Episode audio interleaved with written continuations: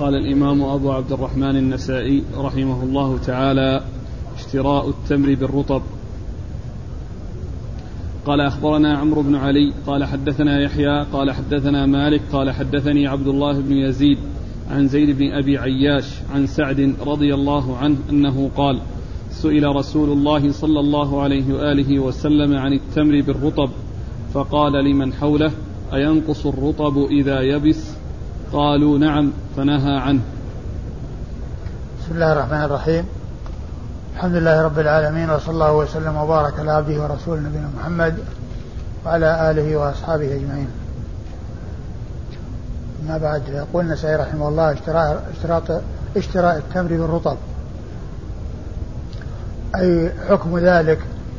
وأنه لا يجوز. والتمر والرطب من جنس واحد إلا أن الفرق بينهما أن الرطب إذا جف إذا كان كيل مع تمر ثم جف الرطب فإنه ينقص عن التمر. والأصل في الأجناس التماثل. فيما كان جنسا واحدا لابد من التماثل ولا بد من التقابض. وأما إذا كان من أجناس مختلفة فلا بد من التقابض ولا يلزم التماثل. والرطب والتمر من جنس واحد إلا أن آه، التماثل بينهما لا يتم ولا يتحقق من جهة أنه إذا كيل الرطب والتمر كيلا واحدا ثم الرطب جف ويبس فإنه ينقص عن التمر ومن شرط بيع الجنس بالجنس أن يكون متماثلا وأن يكون التقابض موجودا. وقد أورد النسائي حديث أبي هريرة سعد بن أبي حديث سعد بن أبي وقاص رضي الله تعالى عنه أن النبي صلى الله عليه وسلم سئل عن بيع الرطب بالتمر فأراد عليه الصلاة والسلام أن يوقف السامعين على علة الحكم فقال أينقص الرطب إذا يبس؟ قالوا نعم فنهى عنه رسول الله صلى الله عليه وسلم. فهذا السؤال من النبي عليه الصلاة والسلام لإيقاف الناس على علة الحكم الذي هو النهي وأن المماثلة لا تتحقق لأن الرطب الرطب إذا حصل لها اليبس فإنها تنقص عن التمر. لو كان صاعا من رطب وصاعا من تمر بيع هذا بهذا المماثلة موجودة من حيث الصورة ولكن من حيث الحقيقة والواقع إذا إذا يبس الرطب فإنه ينقص عن التمر. فإنه ينقص عن التمر. فالنبي عليه الصلاة والسلام سأل هذا السؤال ليوقف الناس على علة الحكم. ولما أجابوا على السؤال بما هو معلوم من حصول النقص إذا يبس الرطب عند ذلك بين النبي صلى الله عليه وسلم الحكم وهو النهي. وهذا من كمال من كمال بيانه عليه الصلاة والسلام. نعم والإسناد؟ قال أخبرنا عمرو بن علي. عمرو بن علي الفلاس ثقة أخرج له أصحاب الكتب الستة بل هو شيخ لأصحاب الكتب الستة. عن يحيى. عن يحيى بن سعيد القطان البصري ثقة أخرج له أصحاب الكتب الستة. عن مالك. عن مالك بن أنس إمام دار الهجرة الإمام المشهور أحد أصحاب المذاهب الأربعة المشهورة من مذاهب أهل السنة. عن عبد الله بن يزيد. عن عبد الله بن يزيد المخزومي وهو ثقة أخرج حديث أصحاب الكتب. نعم. ثقة أخرج حديث أصحاب الكتب الستة. عن زيد بن أبي عياش. عن زيد بن عياش. عن زيد بن عياش وهو صدوق. أخرج له أصحاب السنن. وهو صدوق أخرج له أصحاب السنن. هو زيد بن عياش. نعم. عن سعد. عن سعد بن أبي وقاص رضي الله تعالى عنه صاحب رسول الله عليه الصلاة والسلام وأحد العشرة المبشرين بالجنة وحديثه أخرجه أصحاب كتب الستة. قال أخبرنا محمد بن علي بن ميمون قال حدثنا محمد بن يوسف الفريابي قال حدثنا سفيان عن إسماعيل بن أمية عن عبد الله بن يزيد عن زيد عن سعد بن مالك رضي الله عنه أنه قال سئل رسول الله صلى الله عليه وآله وسلم عن الرطب بالتمر فقال أينقص إذا يبث؟ قالوا نعم فنهى عنه. ثم ورد النسائي حديث سعد بن أبي وقاص رضي الله عنه من طريق أخرى وهو مثل ما تقدم والإسناد. قال أخبرنا محمد بن علي بن ميمون. محمد بن علي بن ميمون الرقي وهو صدوق. ثقة أخرجه النسائي. وثقة وهو ثقة أخرج حديثه النسائي وحده. عن عن محمد بن يوسف الفريابي. عن محمد بن يوسف الفريابي وهو ثقة أخرجه أصحاب كتب الستة. عن سفيان عن سفيان هو الثوري سفيان بن سعيد بن مسروق الثوري ثقة فقيه وصف بأنه أمير المؤمنين في الحديث وحديثه أخرجه أصحاب كتب الستة. عن إسماعيل بن أمية. عن إسماعيل بن أمية ثقة أيضا أخرجه أصحاب كتب الستة. عن عبد الله بن يزيد عن زيد عن سعد بن مالك. وقد مر ذكر الثلاثة. نعم سعد بن مالك وسعد بن أبي وقاص. هو؟ لأن آه، أبو وقاص هو اسمه مالك. سعد بن مالك وسعد بن أبي وقاص. ومالك كنيته أبو وقاص. عياش زيد بن عياش؟ زيد بن عياش. صحيح زيد بن عياش. أي نعم بدون أبي. قال رحمه الله تعالى بيع الصبرة من التمر لا يعلم مكيلها بالكيل المسمى من التمر. قال أخبرنا إبراهيم بن الحسن قال حدثنا حجاج قال قال ابن جريج أخبرني أبو الزبير أنه سمع جابر بن عبد الله رضي الله عنهما يقول نهى رسول الله صلى الله عليه وآله وسلم عن بيع الصبرة عن بيع الصبرة. الصبرة الصبرة من التمر لا يعلم مكيلها بالكيل المسمى من التمر. ثم ورد النسائي هذا الترجمة وهي بيع الصبرة من الطعام لا يعرف مكيلها يعني لا يعرف مقدارها كيلا بالكيل آه بالطعام أو بإيش؟ بالكيل المسمى من التمر. بالكيل المسمى من التمر. يعني آه أن المبيع البيع حصل فيه شيء مجهول وشيء معلوم. الصبرة مجهولة الكيل. والمقابل يعني كيل معلوم بمعنى أنه اشترى صبرة من التمر بعشرة آصع من التمر. عشرة آصع من التمر. فأحدهما معلوم والثاني مجهول. وذلك لا يجوز لأنه لا بد من التساوي ولا بد من التماثل. وإذا كان أحد الاثنين مجهولا فإنه يكون آه يعني غير معلوم التماثل. ومن شرط بيع المثل بمثله أن يكون متماثلا وأن يكون أيضا فيه التقابض. وهذه الصورة لا تماثل فيها لأن الصبرة مجهولة والكيل المقابل لها معلوم فلا يصح ذلك لأن التساوي غير معلوم. ومن القواعد في في في في هذا الباب أنهم يقولون الجهل الجهل بالتساوي كالعلم بالتفاوت. الجهل بالتساوي كالعلم بالتفاوت. ومن المعلوم أن التفاوت لا يجوز في الجنس الواحد فلا يباع الشيء بمثله يعني متفاضلا متفاوتا بل لابد من التساوي في الجنس ولا بد من تحقق المساواة. وإذا جهلت المساواة كأنه تحقق التفاضل فهو لا يجوز. والتفاضل لا يجوز والجهل بالتساوي البيع مع الجهل بالتساوي لا يجوز. بل لا بد من تحقق المماثلة والقبض في الجنس الواحد. ثم أورد النسائي حديث. جابر. حديث جابر بن عبد الله رضي الله تعالى عنه أن النبي صلى الله عليه وسلم سئل نهى الرسول صلى الله عليه وسلم عن بيع الصبرة. الصبرة. الصبرة من التمر لا يعلم مكيلها بالكيل المسمى من التمر. نهى رسول الله صلى الله عليه وسلم عن بيع الصبرة من التمر لا يعلم مكيلها لا يعلم مكيلها بالكيل المسمى من التمر. يعني عشرة آصع يقابلها صبرة مجهولة كومة. من التمر ما يعرف إيش مقدارها فهذا لا يجوز لأن لأن فيه الجهل بالتساوي والجهل بالتساوي كالعلم بالتفاضل. والعلم بالتفاضل هو ربا الذي هو ربا الفضل. والجهل بالتساوي كالعلم بالتفاضل. وهنا جهل التساوي لأن الصبرة التي تقابل العشرة آصع مثلا غير معلومة المقدار. فهذا البيع لا يجوز. نعم. قال أخبرنا إبراهيم بن الحسن.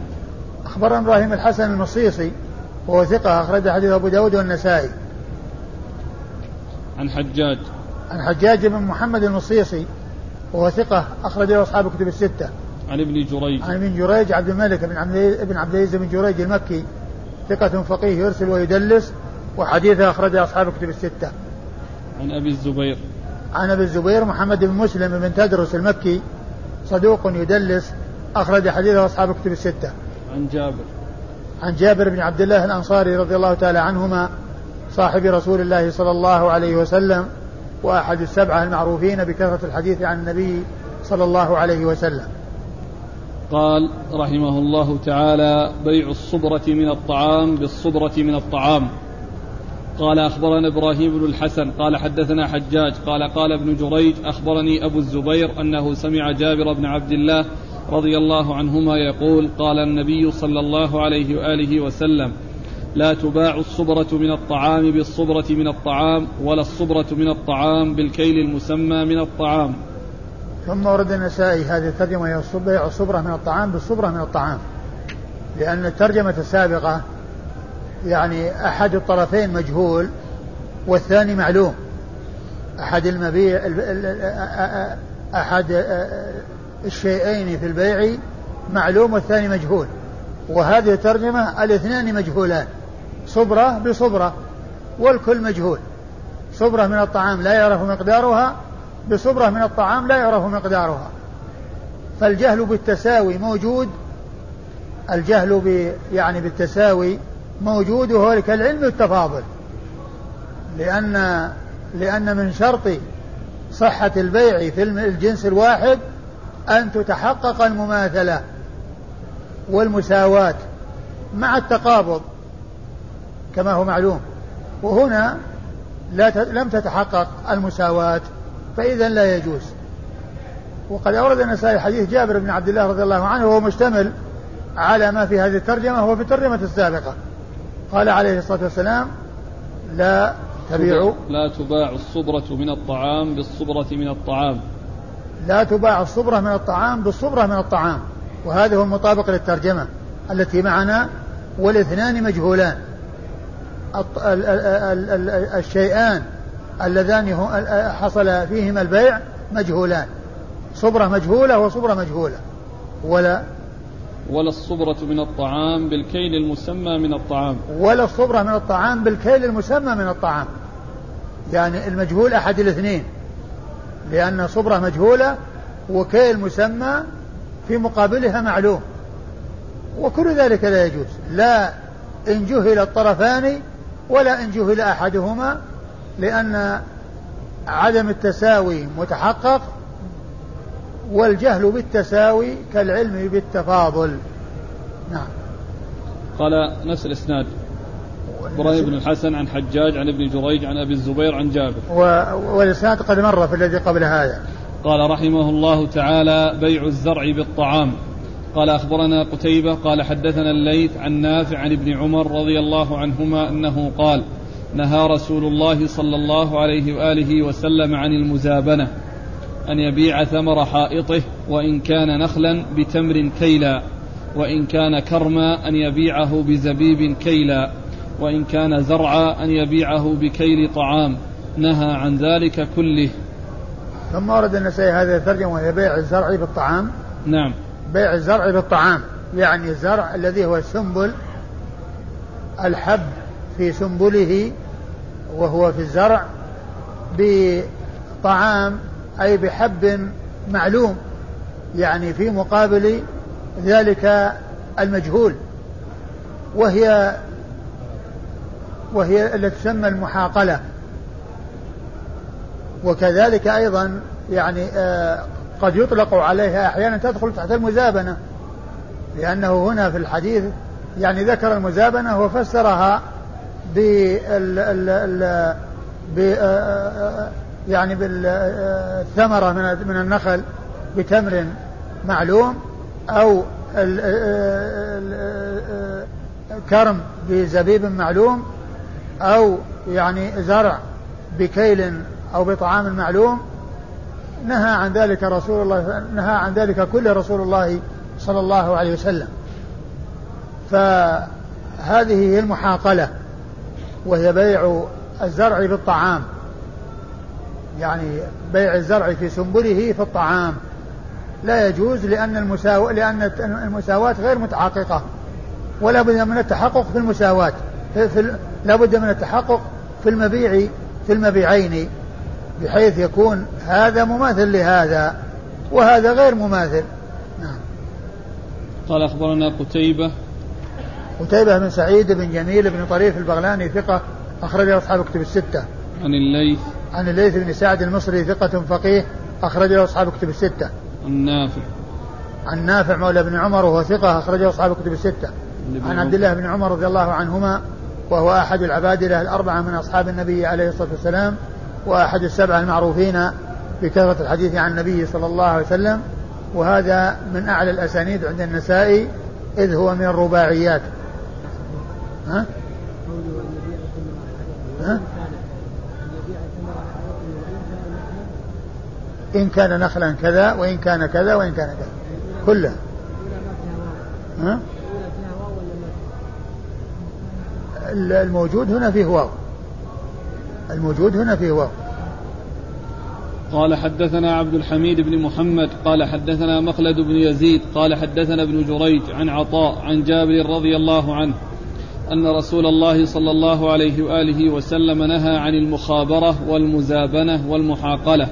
وعن بيع الثمر قبل أن يطعم وعن بيع ذلك إلا بالدنانير والدراهم.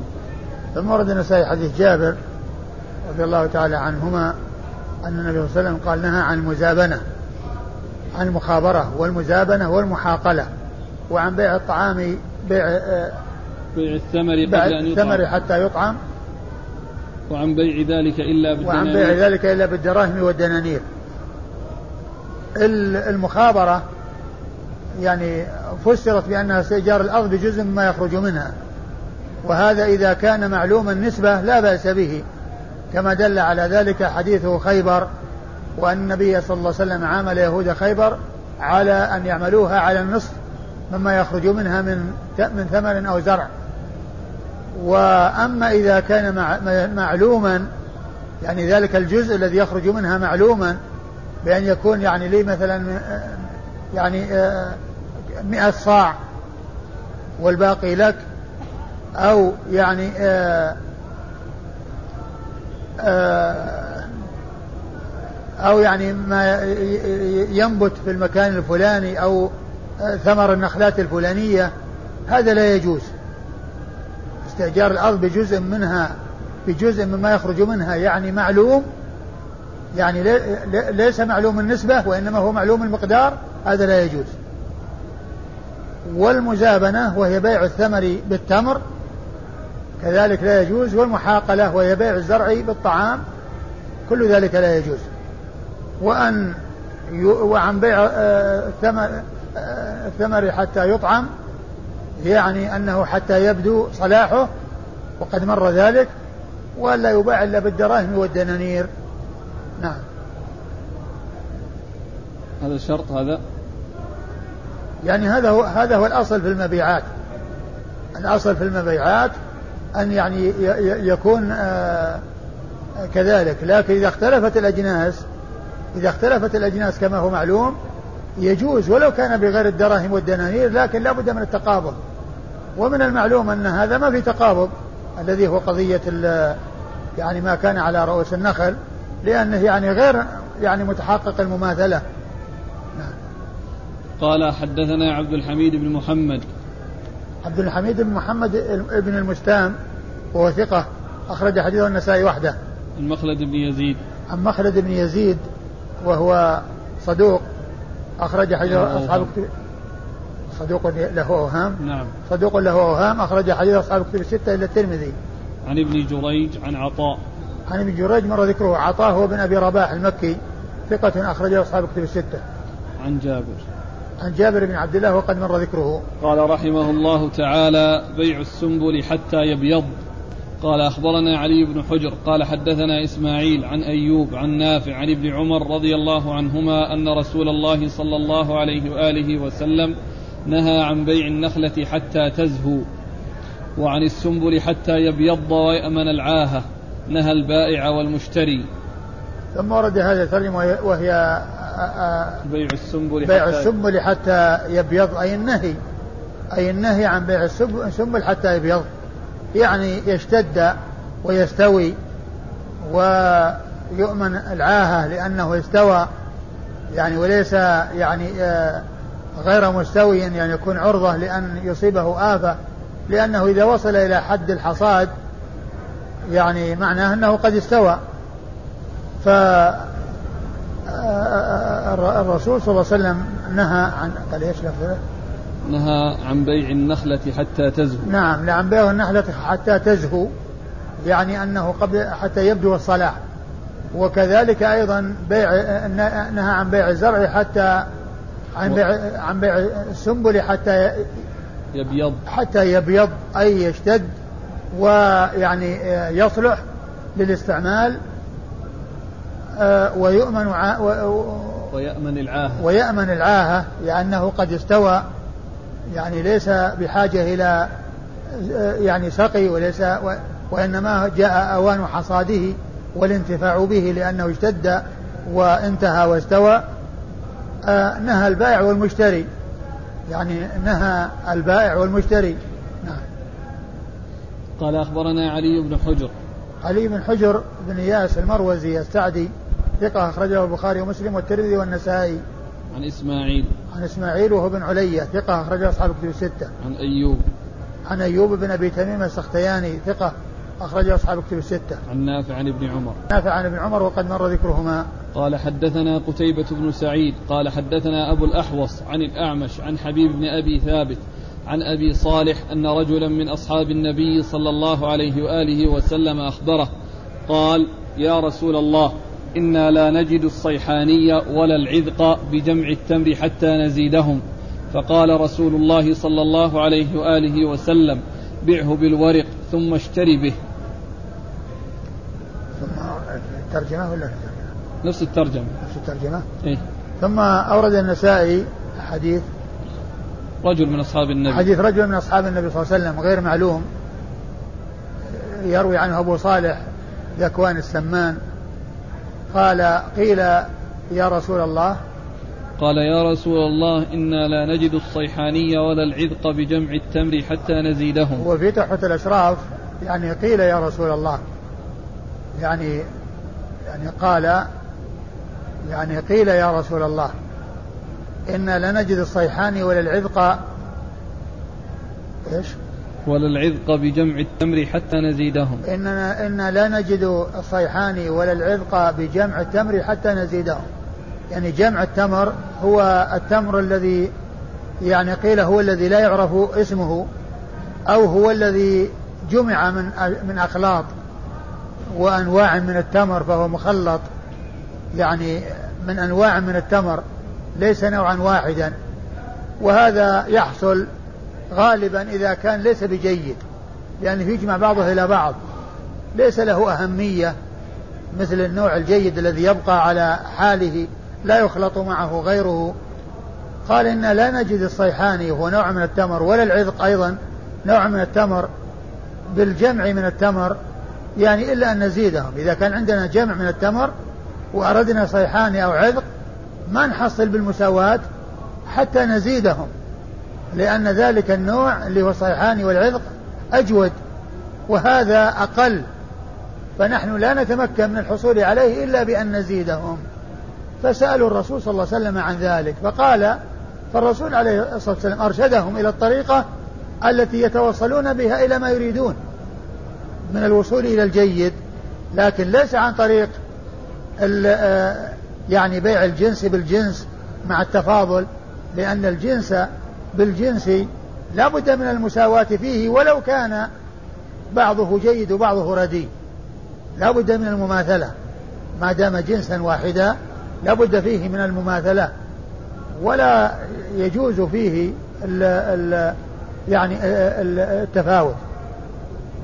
وهم قالوا إنهم لا يحصلون إلا بأن يزيدوا بأن يكون مثلا صاعين من الجمع بصاع من الصيحان مثلا صاع صاعين من الجمع بصاع من الصيحان زادوهم صاع على من الرديء على ما يريدونه من الجيد. فالنبي عليه الصلاة والسلام أرشدهم إلى الطريقة التي بها يصلون إلى ما يريدون وهو أنهم يبيعون الجمع بالورق ثم يشترون بالورق آه، صيحان وعذق الذي هو النوع الجيد. هذا هو الذي أرشدهم إليه النبي صلى الله عليه وسلم بأن يصلوا إلى مقصودهم وإلى مطلوبهم بأن يبيعوا الذي معهم من الجمع الذي هو النوع الرديء بالورق يعني بالفضة. ثم يشترون بالورق النوع الجيد الذي يريدون. وأما أن يدفعوا صاعين من من الجمع بصاع من الصيحان والعذق فذلك لا يجوز لأن من شرط الجنس المساواة والمماثلة. نعم. علاقة بالترجمة؟ ها؟ مناسبته للترجمة. وش الترجمة؟ بيع السنبل حتى يبيض. والترجمة التي بعده بيع التمر بالتمر متفاضلا. آه هو يعني ما ي... هو ليس له علاقة بالترجمة من حيث. من حيث لأن هذا هذا يتعلق بالتمر وهذاك يتعلق ب يعني بال لكنه يعني يمكن يعني عن طريق المماثلة أن أنواع الحبوب أن أنواع الحبوب التي يعني هي متفاوتة أيضا كذلك لا يجوز بيعها يعني متفا... بالتفاضل ومن أراد أن يحصل شيئا من الحبوب يمكن أن يبيع الحب الرديء ويشتري الحب الجيد. لكن يمكن أن يكون يعني الترجمة أنها متقدمة وهي بالتي وراءها ألصق وأقرب. قال حدثنا قتيبة بن سعيد عن أبي الأحوص. أبو الأحوص سلام بن سليم الحنفي ثقة أخرج أصحاب كتب الستة. عن الأعمش. عن الأعمش وهو سليمان بن مهران الكاهلي وهو ثقة أخرج أصحاب كتب الستة. والأعمش لقبه وقد اشتهر بهذا اللقب. عن حبيب بن أبي ثابت. عن حبيب بن أبي ثابت وهو ثقة كثير الإرسال والتدليس. أخرج له أصحاب الكتب. أخرجه أصحاب الكتب الستة نعم. عن أبي صالح. عن أبي صالح ذكوان السمان. عن أبي صالح ذكوان السمان وهو ثقة أخرجه أصحاب الكتب الستة. عن رجل من أصحاب رسول الله صلى الله عليه وسلم وهو غير معلوم. ومن المعلوم أن المجهول في الصحابة هو في حكم المعلوم لأنهم عدول وهذا يختص بالصحابة رضي الله عنهم وأما غيرهم فإنه لا بد من معرفة الشخص والجهالة في غير الصحابة تؤثر وتضر وأما الجهالة في الصحابة فإنها لا تؤثر ولا تضر نعم. ها؟ إيش؟ ذكوان أبو صالح أبو صالح ذكوان إذا كان إيش؟ يعني يقول غير ثقة الذي روى عن إذا كان إذا كان إيش؟ أحد التابعين معلوم ولا مجهول؟ إذا كان معلوم إيش الإشكال؟ لكنه ضعيف إذا كان ضعيف الإشكال جاء من ضعف من ضعف الضعيف ما هو من جهة الصحابة جهة الصحابة لا تؤثر يعني يأتي الضعف من جهة الرجل اللي في الإسناد. وإنما القضية يعني كما عرفنا أن الصحابة معرفة أشخاصهم وأحوالهم لا تلزم. وأما, وأما من دونهم فلا بد من معرفتهم ومعرفة أحوالهم. ومن كان مجهولا فيكون الضعف يأتي للحديث بسبب ذلك المجهول من غير الصحابة. أما الصحابة المجهول فيهم هو في حكم المعلوم لأنهم كلهم عدول قال رحمه الله تعالى بيع التمر بالتمر متفاضلا. قال أخبرنا محمد بن سلمة والحارث بن مسكين قراءة عليه وأنا أسمع واللفظ له عن ابن القاسم. قال حدثني مالك عن عبد المجيد بن سهيل عن سعيد بن المسيب عن أبي سعيد الخدري وأبي هريرة رضي الله عنهما. أن رسول الله صلى الله عليه وآله وسلم استعمل رجلا على خيبر فجاء بتمر جنيب. فقال رسول الله صلى الله عليه وآله وسلم أكل تمر خيبر هكذا؟ قال لا والله يا رسول الله إنا لنأخذ الصاع من هذا بصاعين والصاعين بالثلاث. فقال رسول الله صلى الله عليه وآله وسلم لا تفعل بع الجمع بع الجمع بالدراهم ثم ابتع بالدراهم جنيبا. ما ورد النسائي حديث أبي هريرة وأبي وأبي سعيد. نعم. حديث أبي هريرة وأبي سعيد رضي الله تعالى عنهما أن النبي صلى الله عليه وسلم استعمل رجلا على خيبر فجاء بتمر جنيب يعني نوع جيد من أنواع التمر. فقال أكل تمر خيبر هكذا؟ قال لا ولكننا نبيع الصاع من هذا بالصاعين والصاعين بالثلاثة. يعني يعني ان ان, إن هذا يحصلونه بأن يدفعوا نوعا دونه في الجودة يعني رديء ولكنهم يزيدون بأن يعني بدل الصاع صاعين يدفعون صاعين من الجمع ويأخذون صاعا من الجنيب الذي هو النوع الجي نوع جيد من التمر. فالنبي صلى الله عليه وسلم قال لا تفعل. يعني هذا لا يصح ولا يجوز. بع الجمع يعني إذا كان عنده جمعه ويريد أن يحصل جنيب. بع الجمع بالدراهم واشتري بالدراهم جنيبا. بع الجمع الذي عندك وهو التمر الرديء بالدراهم. ثم اشتر بالدراهم جنيبا. فهذه طريقة الوصول إلى ما يريده الإنسان من الأنواع الجيدة بأن يبيع ما عنده بالدراهم. ثم يشتري بالدراهم النوع الجيد.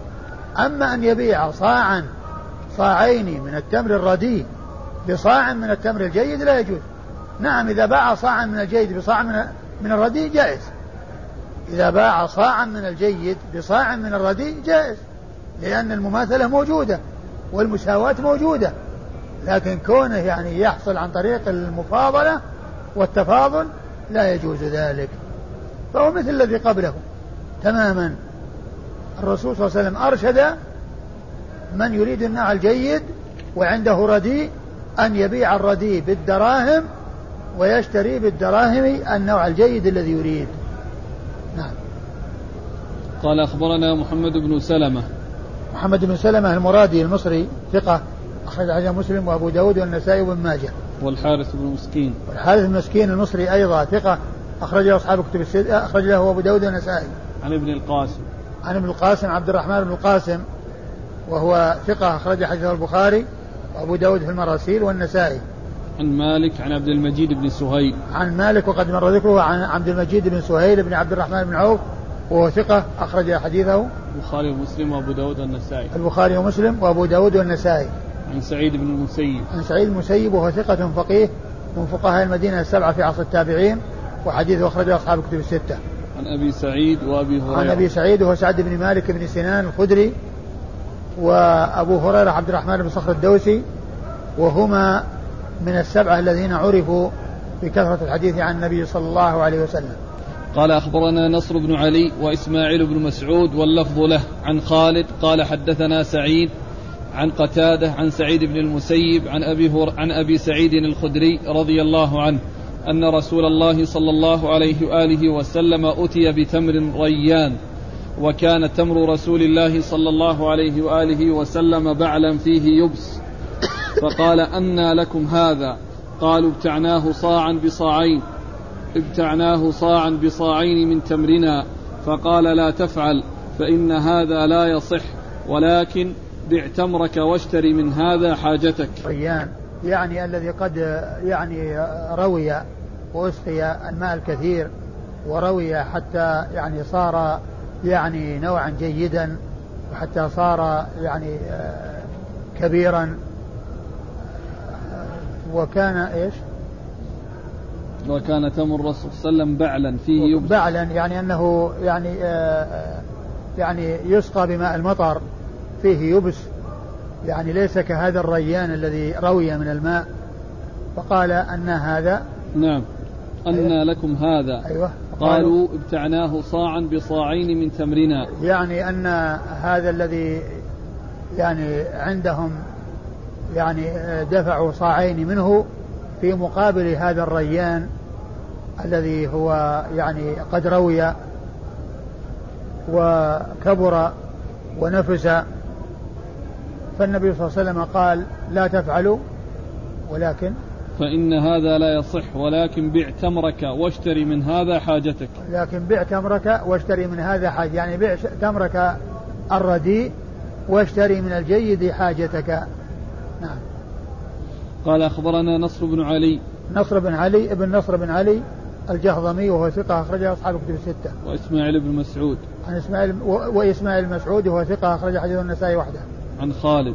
عن خالد بن الحارث البصري ثقة أخرجه أصحاب الكتب الستة. عن سعيد.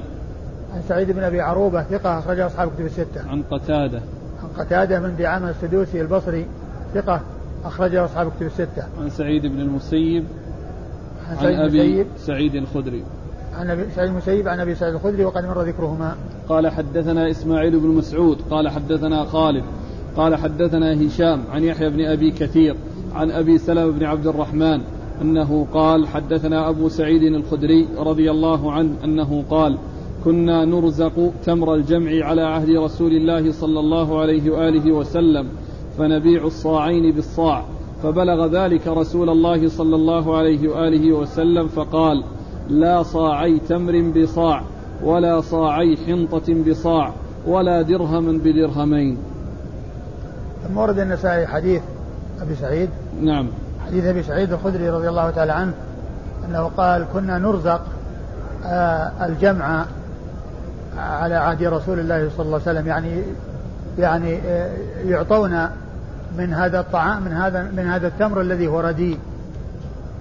فكانوا يريدون أن يحصلوا على الجيد فيدفعون صاعا صاعين من هذا الرديء في مقابل صاع من الجيد. فالنبي صلى الله عليه وسلم نهاهم عن ذلك وقال لا صاعي آه، آه، تمر. صاعي تمر بصاع. نعم. لا صاعي تمر بصاع ولا صاعي. بر. حنطة بصاع. ولا صاعي حنطة بصاع ولا درهم درهم درهما بدرهمين. ولا درهم بدرهمين.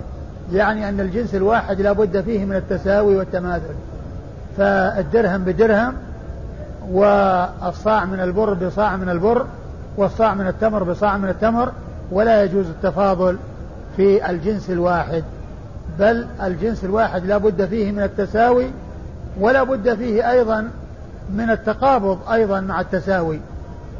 فلا يجوز النسيئة فيه ولا يجوز الفضل فيه اللي هو ربا الفضل. الجنس الواحد لا يجوز فيه ربا الفضل ولا ربا النسيئة. عن قال حدثنا إسماعيل بن مسعود عن خالد عن, عن هشام.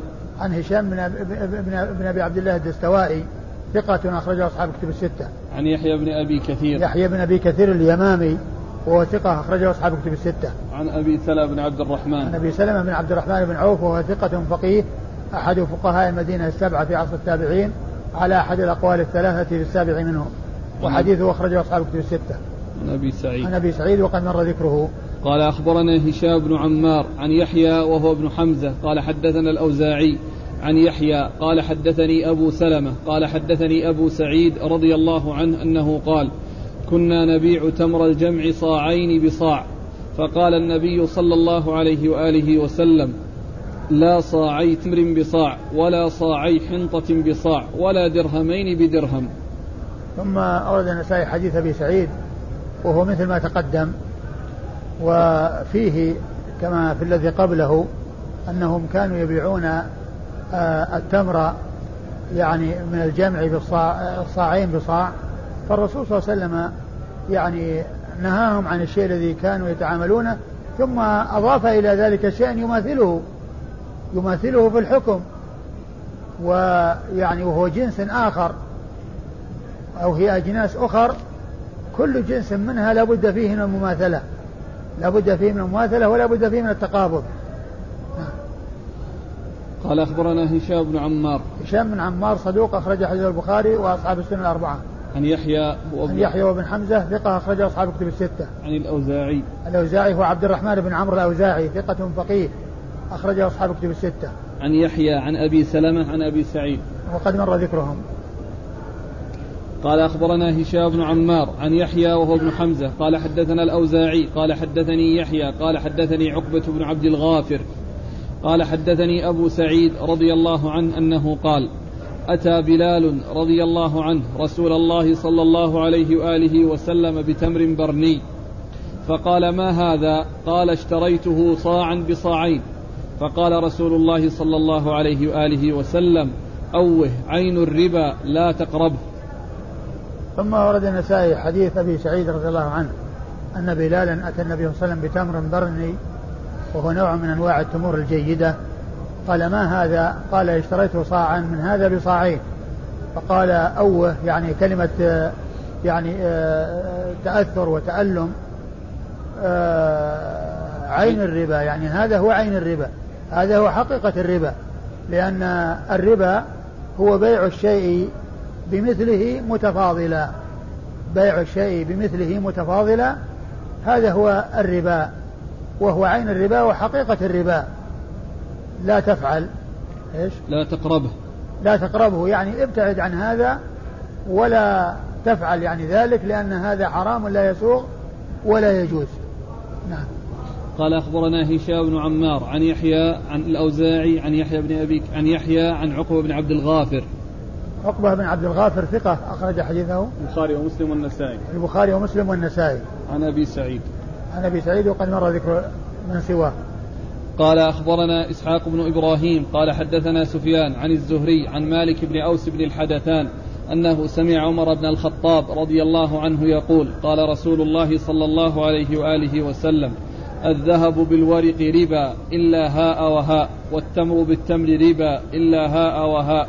والبر بالبر ربا إلا هاء وهاء والشعير بالشعير ربا إلا هاء وهاء.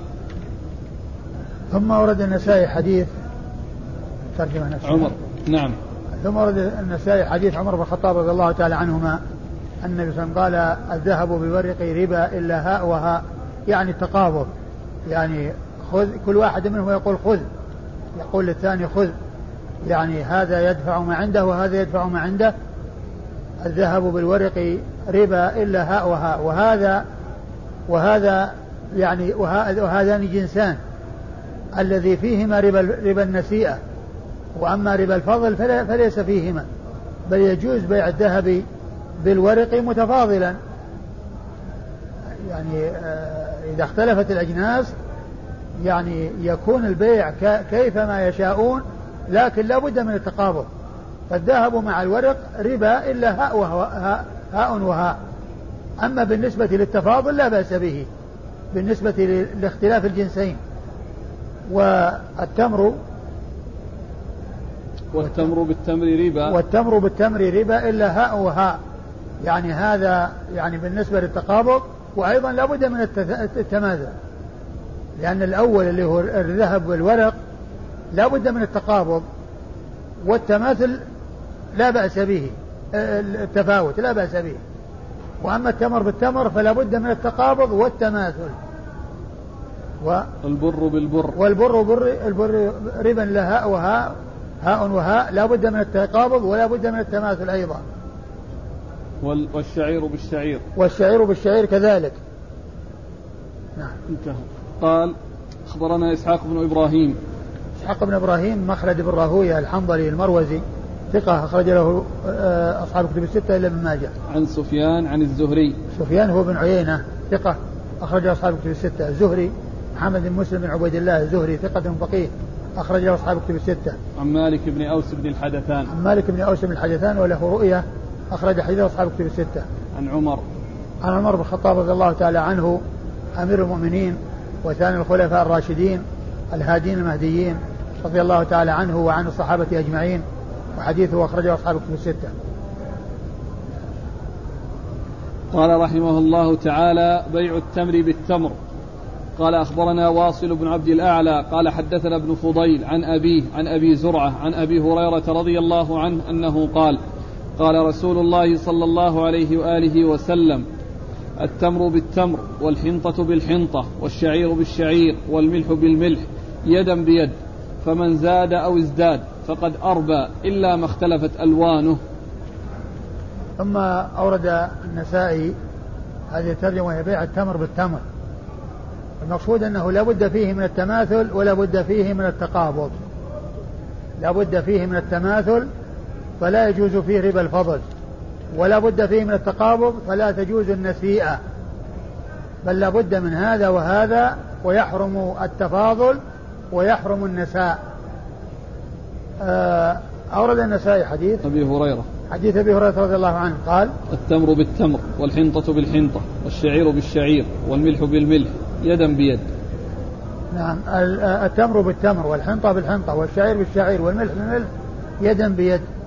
يعني لا بد فيه من التقابض وأيضا لا بد فيه من التماثل. ولهذا قال فمن زاد أو ازداد. فمن زاد أو ازداد يعني هذا يعني يتعلق بال يعني بربا الفضل. يعني قوله يدا بيد هذا ربا, ربا النسيئة. يعني معناه لا بد من التقابض وقوله فمن زاد أو ازداد فقد أربى. فقد أربى يعني هذا بالنسبة للتفاضل. يعني أن هذه الأجناس أي بيع كل جنس بجنسه لا بد فيه من تقابض فلا يجوز فيه النساء ولا بد فيه من تماثل فلا يجوز فيه التفاضل. نعم. إلا ما اختلفت ألوانه. إلا ما اختلفت ألوانه وهي أجناسه كالورق بالتمر الورق بالذهب وكذلك الحنطة بالشعير والتمر بالبر لأن هذه أجناس. لأنه إذا اختلفت الأجناس لا بد من التقابض ولا والتماثل والتفاوت لا بأس به. قال أخبرنا واصل بن عبد الأعلى. وأصل بن عبد الأعلى ثقة. نعم. أخرج مسلم وأصحاب السنن. أخرج له مسلم وأصحاب السنن الأربعة. عن عن ابن فضيل. عن ابن فضيل وهو محمد بن فضيل بن غزوان. وهو صدوق أخرج حديث أصحاب كتب الستة. عن أبيه. عن أبيه فضيل بن غزوان وهو ثقة أخرج له أصحاب كتب الستة. عن أبي زرعة. عن أبي زرعة بن عمرو بن جرير البجلي ثقة أخرج أصحاب كتب الستة. عن أبي, عن أبي هريرة وقد مر ذكره. قال رحمه الله تعالى بيع البر بالبر. قال أخبرنا محمد بن عبد الله بن بزيع قال حدثنا يزيد قال حدثنا سلمة وهو ابن علقمة عن محمد بن سيرين عن مسلم بن يسار وعبد الله بن عتيك قال جمع المنزل بين عبادة بن الصامت ومعاوية رضي الله عنهما. حدثهم عبادة قال نهانا رسول الله صلى الله عليه وآله وسلم عن بيع الذهب بالذهب والورق بالورق والبر بالبر والشعير بالشعير. والتمر بالتمر قال أحدهما والملح بالملح ولم يقله الآخر إلا مثلا بمثل يدا بيد وأمرنا أن نبيع الذهب بالورق والورق بالذهب والبر بالشعير والشعير بالبر يدا بيد كيف شئنا؟ قال أحدهما فمن زاد أو ازداد فقد أربى. ثم أورد النسائي هذه الترجمة لبيع البر بالبر أي أن البر جنس لا يجوز بيع آه، الجنس بمثله إلا متماثلا مع التقابض. فلا يجوز التفاضل اللي الفضل ولا يجوز التأخير يعني الذي هو ربا النسيئة. فلا بد من التقابض ولا بد من التماثل. وقد أورد النسائي حديث عبادة بن الصامت. حديث عبادة بن الصامت رضي الله عنه. إيش قال؟ قال قال مسلم بن يسار وعبد الله بن عتيك جمع المنزل بين عبادة ومعاوية. وحدثهم عبادة قال نهانا رسول الله صلى الله عليه وسلم عن بيع الذهب. يعني آه أن معاوية وعبادة بن الصامت يعني كانوا في مكان واحد ويعني آه ذكر أنهم كان يعني ليس معنى ذلك أنه في منزل واحد. وفي بيت واحد وإنما كانوا في بلد واحد. يعني بعضهم قريب من بعض. وكان حدث عبادة بن الصامت الذين كانوا عنده بحديث رسول الله عليه الصلاة والسلام فيما يتعلق بالأجناس وبيع بعضها ببعض. فقال نهانا عن بيع الذهب بالذهب والورق بالورق والبر بالبر والشعير بالشعير والتمر بالتمر. قال أحدهما والملح بالملح ولم يقله الآخر إلا مثلا بمثل يدا بيد. نعم يعني هذه الأجناس الذي جنس واحد لا بد فيها من يدا بيد ومثلا بمثل. مثلا بمثل يعني لا تفاضل ويدا بيد يعني لا نسيئة. فالجنس الواحد لا بد فيه من الشرطين أن يكون متماثلا وأن يكون التقابض حاصلا بينهما. فلا يكون التفاوت والتفاضل ولا يكون النساء.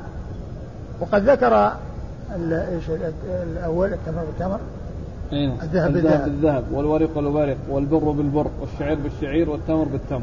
يعني هذه الخمسة اتفق عليها آه مسلم بن يسار وعبد الله وعبد الله بن بن عتيك. أيه.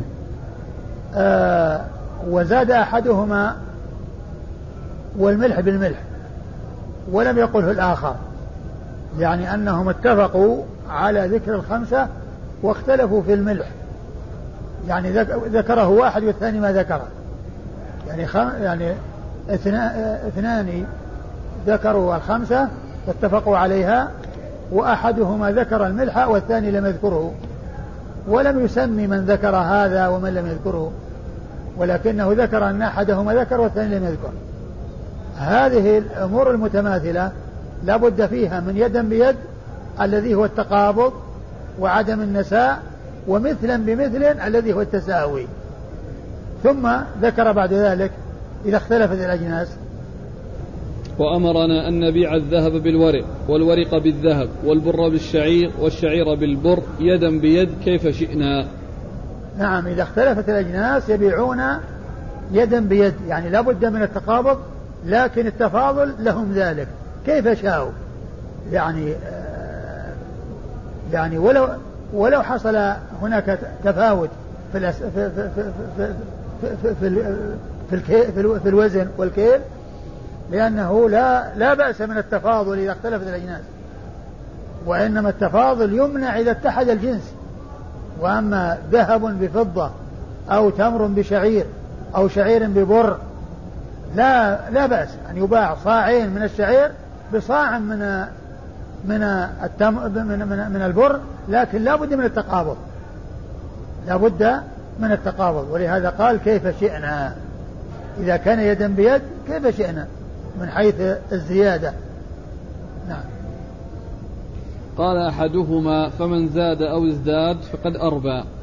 قال أحدهما يعني فمن زاد أو ازداد فقد أربى. وهذا يرجع إلى القسم الأول. يرجع إلى القسم الأول الذي هو الجنس الواحد ولا يرجع إلى الثاني الذي هو مع اختلاف الجنس لأن لأن التفاوت سائغ ولا مانع منه. نعم. قال أخبرنا محمد بن عبد الله بن بزيع. محمد بن عبد الله بن بزيع صدوق؟ ثقة أخرجه مسلم والترمذي والنسائي. ثقة أخرج حديث مسلم والترمذي والنسائي. عن يزيد. عن عن يزيد وهو بن زريع ثقة أخرجه أصحاب الكتب الستة. عن سلمة هو ابن علقمة. سلمة هو ابن علقمة وهو ثقة أخرج له. أصحاب الكتب إلا الترمذي. أخرج أصحاب الكتب الستة إلا الترمذي. عن محمد بن سيرين. عن محمد بن سيرين البصري ثقة أخرج أصحاب الكتب الستة. عن مسلم بن يسار. عن مسلم بن يسار البصري وهو ثقة أخرج له أبو داود والنسائي بن ماجه. ثقة أخرجه أبو داود والنسائي بن ماجه. وعبد الله بن عتيك. وعبد الله بن عتيك بن عتيك ويقال عتيق ويقال آه، عبيد وأرجحها عبيد وهو مقبول. أخرج حديثه النسائي وابن ماجه. عن عبادة بن الصامت. عن عبادة بن الصامت رضي الله عنه صاحب رسول الله صلى الله عليه وسلم وحديثه أخرجه أصحاب الكتب الستة. وفيه ذكر الملح وقاله أحدهما ولم يقل الآخر. وفيه قول فمن زاد أو ازداد فقد أربى. وقد قالها أحدهما ولم يقل الآخر وأحدهما مقبول والثاني ثقة. ومن المعلوم أن هاتين الجملتين هي الملح وزاد أو ازداد جاءت من طريق غير هذا الشخص لأنه محتمل أن يكون هذا وأن يكون هذا. الذي أتى بالملح والذي أتى لكن جاء يعني بأحاديث أخرى فيها إثبات الملح وفيها إثبات فمن زاد أو ازداد فقد أربى. نعم. قال أخبرنا المؤمل بن هشام قال حدثنا إسماعيل وهو ابن علية عن سلمة بن علقمة عن ابن سيرين. قال حدثني مسلم بن يسار وعبد الله بن عبيد وقد كان يدعى ابن هرمز. قال جمع المنزل بين عبادة بن الصامت وبين معاوية رضي الله عنهما. وحد قال حدثهم حدثهم عبادة. قال نهانا رسول الله صلى الله عليه وآله وسلم عن بيع الذهب بالذهب. والفضة بالفضة والتمر بالتمر والبر بالبر والشعير بالشعير. قال أحدهما والملح, والملح, والملح بالملح بالملح ولم يقله الآخر إلا سواء بسواء مثلا بمثل. قال أحدهما من زاد أو ازداد فقد أربى ولم يقله الآخر. وأمرنا أن نبيع الذهب بالفضة والفضة بالذهب والبر بالشعير والشعير بالبر. يدا بيد كيف شئنا.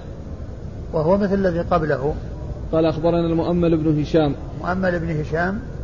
ثقة أخرجه البخاري وأبو داود والنسائي. ثقة أخرج حديث البخاري وأبو داود والنسائي. إسماعيل بن وهو ابن علية. إسماعيل بن علية ثقة أخرج أصحاب كتب الستة. عن سلمة بن علقمة عن ابن سيرين عن عن مسلم بن يسار وعبد الله بن عبيد عن عن عبادة بن الصامت. عبد الله بن عبيد هو عبد الله بن عتيق في الطريقة الأولى الطريقة السابقة وأرجحها أنه عبيد ويقال له ابن هرمز.